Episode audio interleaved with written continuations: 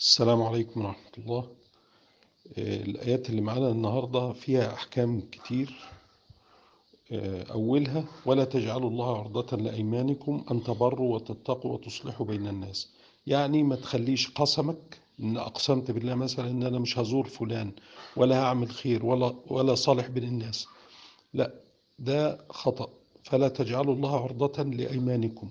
ولكن الأولى إن أنا أكفر عن اليمين لو أقسمت يعني وأفعل الأعمال اللي فيها بر وتقوى وإصلاح بين الناس.